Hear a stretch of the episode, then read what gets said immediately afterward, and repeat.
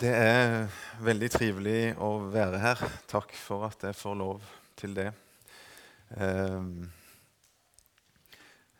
jeg må nesten bare fortsette litt på det som Knut Reier lurte meg inn på og fikk sagt. og Det, det med frynsegode det er, Jeg mener det er veldig sterkt at det å, å, komme rundt og treffe folk sånn som her i dag, det, det, det er virkelig stort, altså. Og, og Misjonssambandet er mye. Både institusjoner og, og virksomheter og, og, ansatte og alt, alt, det der som ble ramsa opp. Men, men, først og fremst så, så, er det det her. Det er, folk som har engasjement, kreativitet, trufasthet, kallsbevissthet. Eh, som er sammen om misjon og evangelisering og nå mennesket med, med, evangeliet. Og Det er det som gjør at, um, at jeg har lyst til å være med fortsatt. Når jeg treffer sånne som dere her og kjenner at, uh, at vi har fellesskap i tjenesten, og, og, at vi er sammen om noe som er så viktig. Og så blir det det sterke sosiale, gode fellesskapet og alt det der som, som binder oss eh, sammen i tillegg. Ehm, så for meg så, så er det stort, altså, for å være med på det. Jeg har lyst til å si hjertelig takk til alle som engasjerer seg på forskjellige måter og gjør at det er mulig for oss å, å realisere det her kallet som vi tror at Gud har gitt oss.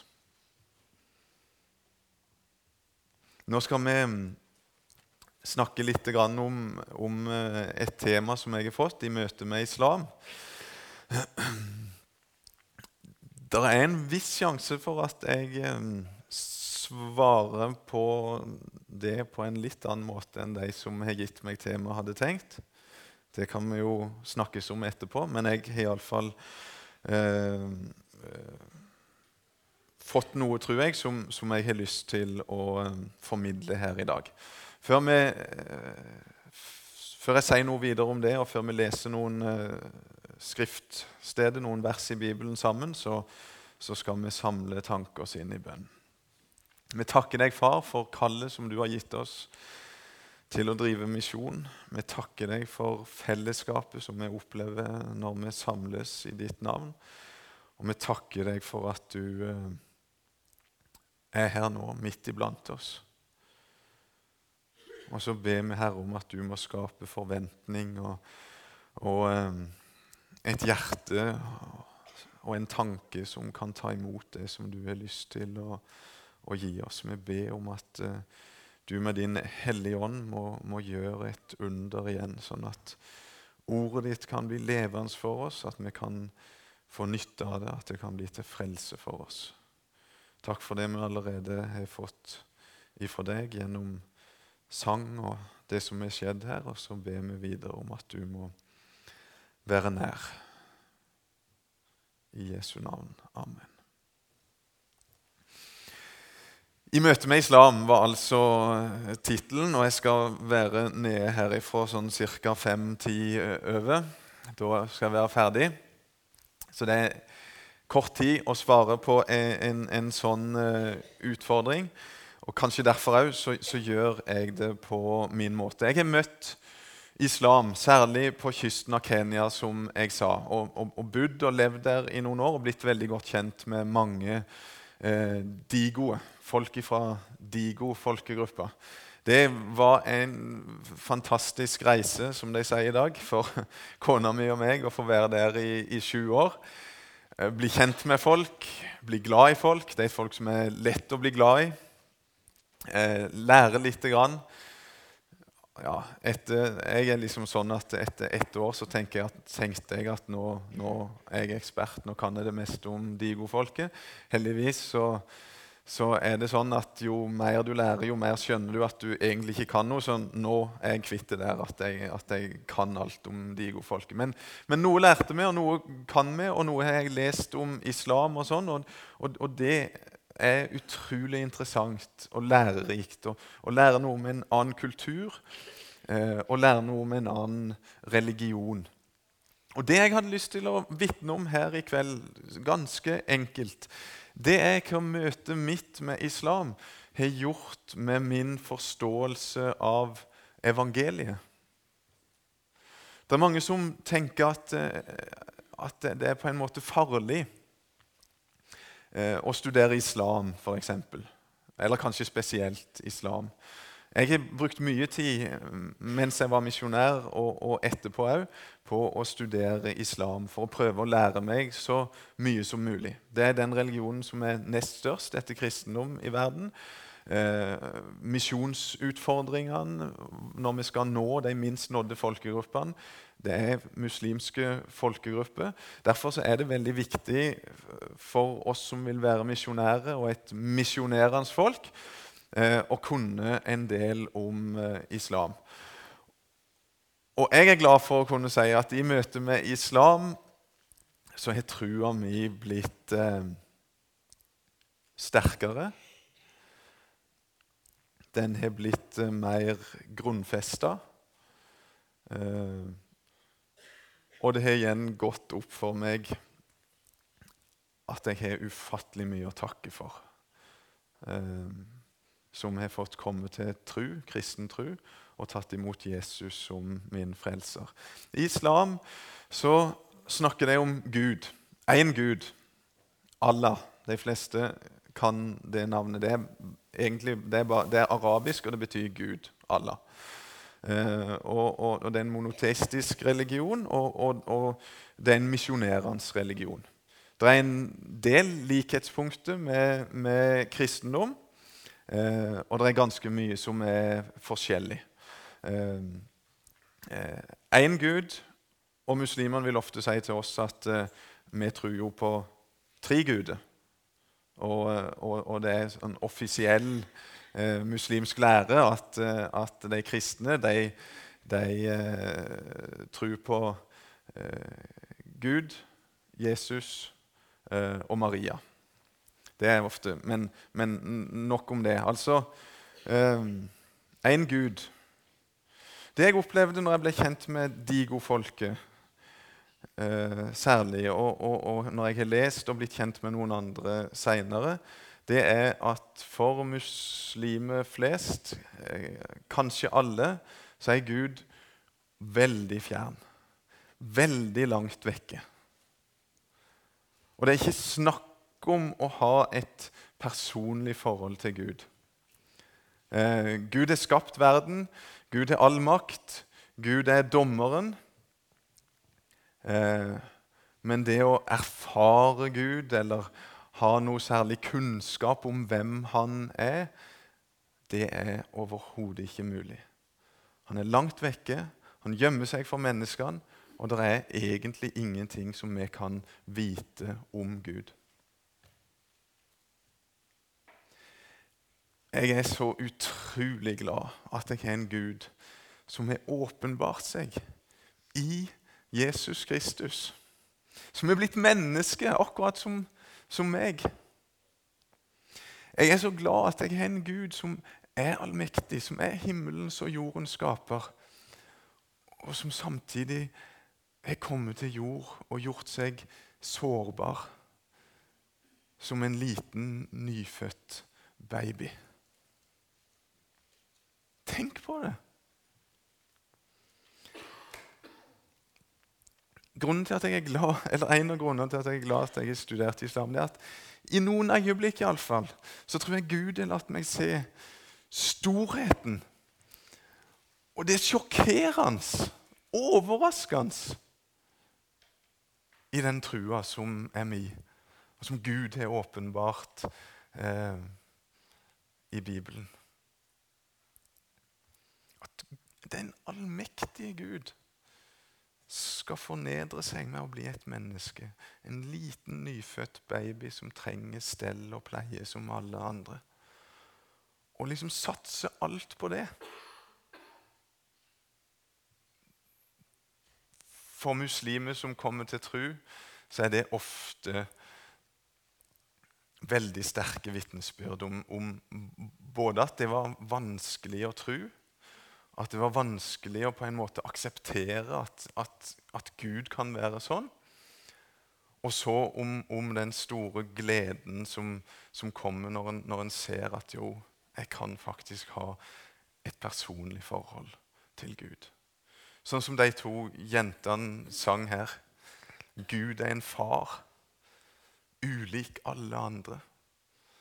Og vi kan la oss falle ned på Guds fang. Hørte du ikke de sang det? Veldig fint. Gud er en far, ulik alle andre. Og han ønsker så inderlig et personlig fellesskap med alle mennesker. Ingen fjern og tilbaketrukken Gud, men en som er nær, og en som ønsker å gi meg barnekår hos seg. Alle som tok imot ham, dem ga han rett til å bli Guds barn, de som tror på hans navn. Og vi har altså i Jesu blod frimodighet til å gå inn i helligdommen. Til den har han innviet for oss en ny og levende vei gjennom forhenget. Det er hans kjød. Det var Johannes 1 og hebreerne 10 som sier noe om det sentrale i trua mi, som er blitt ekstra stort for meg i møte med islam. Barnekår. Det er ingen andre religioner som snakker om at du kan få barnekår.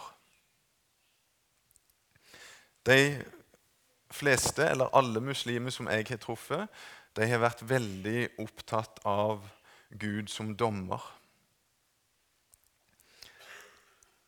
En dag, så fort et menneske har blitt lagt i grava, egentlig, så vil det store avhøret begynne, og dommen vil falle. Og alle muslimene som jeg har truffet Jeg sier det sånn bare sånn med forbehold om at det, det, kan være noen muslimer som opplever det annerledes og tenker annerledes, men, men sånn som jeg har lest og kjenner islam, og sånn som jeg, de muslimene som jeg kjenner, som har fortalt eh, om trua si til meg, så er det ingen som kan ha full visshet om åssen det skal gå i, på, i den dommen. Du har ikke sjans til å vite det. Må bare gjøre ditt beste hver dag. Leve så godt du kan som en god muslim. Gjør pliktene dine. Islam bygger på fem søyler, eh, og du må bare prøve altså fem ulike eh, religiøse praksiser som er, som er viktige, og som du må gjøre så godt du kan. Og så må du håpe at Gud er nådig på dommens dag. Håpe at Gud er nådig på dommens dag. Det er umulig å vite, for det er ingen som egentlig kjenner Gud. Men vi får håpe at han er nådig, sånn at vi kan komme til paradis. Det, det er sånn de muslimene som jeg har truffet, uh, uttrykker det. Jeg er så utrolig glad at jeg, når jeg var ung på bedehuset hjemme, hørte mange forkynnere snakke om frelsesvisshet. Det går an å ha visshet om at jeg er frelst. Og det er Gud sjøl som garanterer for den frelsen. I Jesus. I hans blod, som vi leser i Hebreabrevet, så er det fri adgang. I hans død så, så ble all verdens synd og skyld lagt på han. Jeg kan få tro det, at synda mi er sona. Jeg skal slippe å stå til rette for det som jeg egentlig burde ha stått til rette for. For Jesus har tatt det på seg. Og i hans blod, i hans død og i hans seierrike oppstandelse så er garantien for min frelse. Ikke noen annen plass. Men i det som Jesus gjorde for meg, så kan jeg gi full visshet. Trenger ikke å være i tvil et sekund. Det betyr ikke at jeg går rundt og alltid er proppfull av sikkerhet om det. Det, der er dager når jeg tviler, og det er dager når det kan være eh, vanskelig å tro av mange forskjellige grunner. Men Gud sjøl han ønsker å fortelle deg og meg at du trenger aldri noensinne være i tvil om at han elsker deg. At han ga sin sønn for deg. Og at i det evangeliet som vi har hørt tusenvis av ganger alle sammen, så kan vi ha full visshet om frelsen. For milliarder av mennesker i verden så så er det ingen selvfølge. Nei, Det er faktisk et helt ukjent begrep. Du kan ikke ha visshet om, om det som har med de tingene der å gjøre. Det er det bare Gud som vet. Ja, Det er Gud som skal stå for dommen, men han har åpenbart seg gjennom Jesus for å gi oss full visshet om at vi skal bli frelst. At vi er frelst, og at vi skal få oppleve den fullkomne frelsen en dag. Det er utrolig lærerikt for meg å få de perspektivene på trua mi. Jeg, det, det, det, ofte det er et sånn Ofte det er om å gjøre for meg å si til meg sjøl og de som lytter til meg når jeg står på en talerstol, at vi må, vi må be Gud om at han må gjøre det friskt og nytt for oss igjen. At han med sin hellige ånd må få røre med hjertene våre og gjøre evangeliet friskt og nytt igjen. Sånn at vi kan få undre oss litt over det. Sånn at vi kan se nesten som en nyfrelst muslim, en som har kommet fra islam til kristendom, det her ufattelige med det kristne budskapet. Han ble et lite barn for å identifisere seg med oss, for å komme nær oss, for at vi kan ha et personlig, tillitsfullt forhold til oss. I hans død og i hans oppstandelse så ligger vissheten om at jeg eier frelsen. Det var to ting som jeg hadde lyst til å peke på ganske kort, og så skal jeg lese ett vers til slutt. For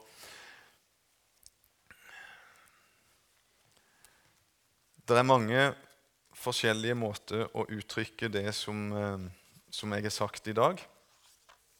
Der var det. Um, og, og, jeg har prøvd på min måte å vitne ganske enkelt om det som jeg har opplevd i møte med islam, og, og kontrasten til min tro, som jeg er så uendelig glad for at jeg har fått. Eh, en annen måte å uttrykke det her på det er ganske enkelt å si at Jesus er hele forskjellen. Det er Jesus det dreier seg om.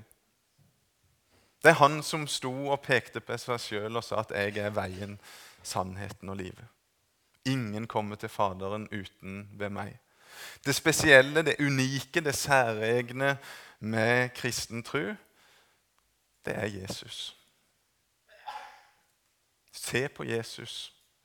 Eh, be om at Gud må vise deg stadig mer av hvem Jesus er.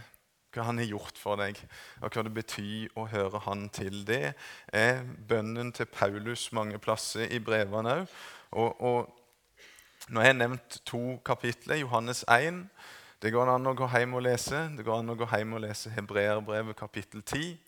Og det går ikke minst an å gå hjem og lese Paulus brev til Efeserne, kapittel 1. Ehm, der står det beskrevet på en sånn fantastisk fin eh, apostelen Paulus-måte noe av det som jeg har prøvd å, å si her i dag. Nåde være med dere, og fred fra Gud, vår Far, og Herren Jesus Kristus. Lovet være Gud, vår Herre Jesu Kristi Far, må du høre. Han som har velsignet oss med all åndelig velsignelse i himmelen i Kristus. I Kristus så har du fått alt. Del i all åndelig velsignelse i himmelen i Kristus. Mot slutten av kapittel 1 i Efeserbrevet så ber Paulus for, eh, for forsamlingen i Efesus. Så sier han sånn Jeg ber om at vår Herre Jesu Kristi Gud, herlighetens Far, må gi dere visdom og åpenbaringsånd til kunnskap om seg, og gi deres hjerter opplyste øyne, så dere kan forstå hvilket håp Han har kalt dere til, hvor rik på herlighet Hans arv er blant de hellige, og hvor overveldende stor Hans makt er for oss som tror, etter virksomheten av Hans veldige kraft. Skal vi be litt sammen igjen? La oss be. Kjære far, vi ber om det her på samme måte som din apostel Paulus ba. Om at du må gi oss åpenbaringsånd, at du må gi oss forstand. At du må gi hjerteøynene lys, sånn at vi kan se deg og se hvem du er, Jesus, og hva du har gjort for oss og bli klar over igjen at i deg så eier vi alt. Takk, kjære far, for at vi kan la oss falle på ditt fang og være nær deg. Takk for at du ønsker fellesskap med oss. Takk for at du har garantert for alle deler av min frelse i Jesu Kristi blod, og når du reiste han opp fra de døde. Og så ber vi om at det her budskapet må nå inn til hjertene våre igjen og igjen, så vi kan se hvor rike vi er som eier deg. Og så ber vi for de som aldri har hatt sjansen til å høre. Det er mange millioner muslimer som aldri har hatt sjansen, og ifra andre religioner og folkegrupper. Og vi ber Herre om at du må gjøre oss til et lydig folk som går når du sier gå og som gjør det vi kan der du har satt oss, for at eh, muslimer og andre kan få sjansen til å høre. Det er ikke frelse i noen annen Jesus. Det bekjenner vi i kveld. Og takker deg for det du har gjort for oss. Må du velsigne kvelden videre i ditt eget navn, Jesus. Amen.